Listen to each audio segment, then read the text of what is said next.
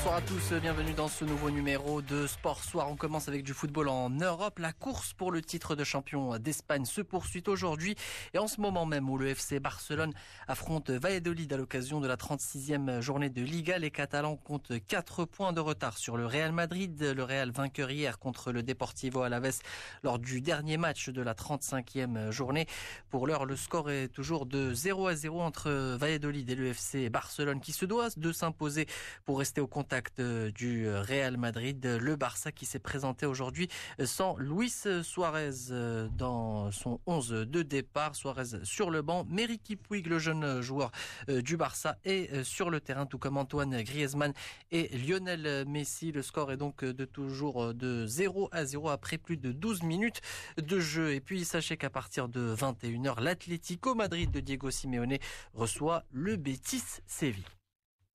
Football en Italie, la Lazio Rome est en train de rater sa fin de saison. Les hommes de Simone Inzaghi se sont inclinés il y a quelques instants pour la troisième fois de rang, cette fois sur la pelouse de Sassuolo de Buzyn. Les Bianco-Celesti avaient pourtant ouvert le score par Luis Alberto avant de se faire reprendre en deuxième période et de s'incliner sur une tête de Francesco Caputo dans le temps additionnel.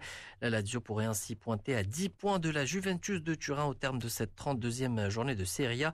Les Bianconeri qui jouent ce soir à partir de 20, h 45 pour euh, contre l'équipe de l'Atalanta Bergame pour ce qui sera le choc de cette 32e journée. L'Italie où un nouveau cas de coronavirus a été détecté à Parme. Le club a annoncé que la dernière série d'examens a révélé un cas de positivité au Covid-19 concernant un membre de l'équipe. Il est complètement asymptomatique, a été rapidement isolé conformément aux directives fédérales et ministérielles.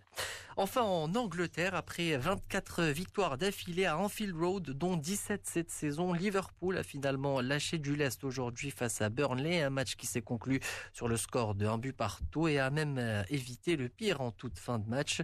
Les Reds de Jürgen Klopp, euh, dominateurs mais maladroits, voient certains records s'éloigner, comme euh, celui du nombre de victoires à domicile en une seule saison.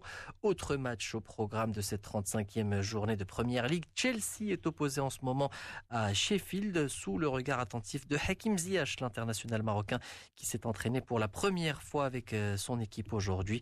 Les Blues ont euh, l'occasion de consolider leur troisième place au classement général et retrouver la Ligue des Champions la saison euh, prochaine.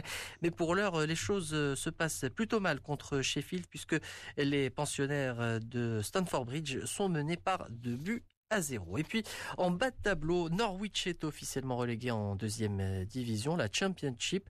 La faute à une nouvelle défaite 4 à 0 contre l'équipe de West Ham. À partir de 20h, ça sera au tour de Manchester City de retrouver cette 35e journée de Première Ligue. Les Citizens, deuxième au classement général, seront opposés à l'équipe de Brighton. Football au Maroc avant de changer de discipline. Après avoir annoncé la date du stage de préparation de la sélection marocaine des joueurs locaux, la Fédération royale marocaine a décidé de finalement reporter ses rassemblements à une date ultérieure. Initialement prévu entre le 15 et le 18 juillet, le stage ne pourra finalement pas avoir lieu en raison de la courte période de ce rassemblement. Il intervient également après l'évaluation du protocole sanitaire qui précède les entraînements des sélections nationales en coordination avec les autorités compétentes. Allez, un dernier mot de golf avant de vous dire au revoir. À suivre aujourd'hui le troisième tour du Workday Charity Open. Pour l'heure, c'est l'Américain Colin Morikawa qui est aux commandes du tournoi disputé à Dublin dans l'État de l'Ohio. On rappelle que le Workday Charity Open a été créé spécialement cette année pour remplacer le John Deere classique annulé en raison de la pandémie du coronavirus. C'est la fin de cette édition de Sport Soir. Merci de l'avoir suivi. Excellente suite des programmes sur Média.